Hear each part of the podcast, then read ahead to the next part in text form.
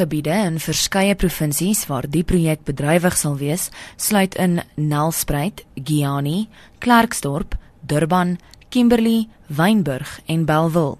Die woordvoerder vir die Suid-Afrikaanse Inkomste Diens, Sandile Memela, sê die projek sal landwyd van stapel gestuur word en dienste sal ook beskikbaar wees vir ander lede van die gemeenskap. The purpose of the outreach project is for SARS language unit to equip the deaf and blind communities with skills and knowledge on the requirements to submit tax returns. Of course, this service will also be extended to other members of the community where they too will be serviced at a specific branch. Hy vra intussen dat Suid-Afrikaners self inligting oor belastingprosedures aan dowe en blinde mense in hul gemeenskappe versprei.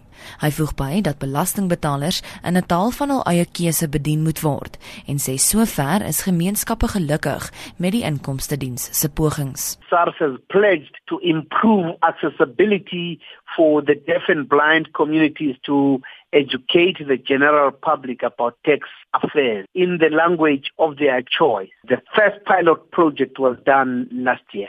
From our observations on the ground, uh, this has been embraced with enthusiasm and appreciation by the affected communities. Dit was die woordvoerder vir die Suid-Afrikaanse Inkomste Diens, Sandile Memela. Ek is Jean Marie Verhoef vir SAK nuus.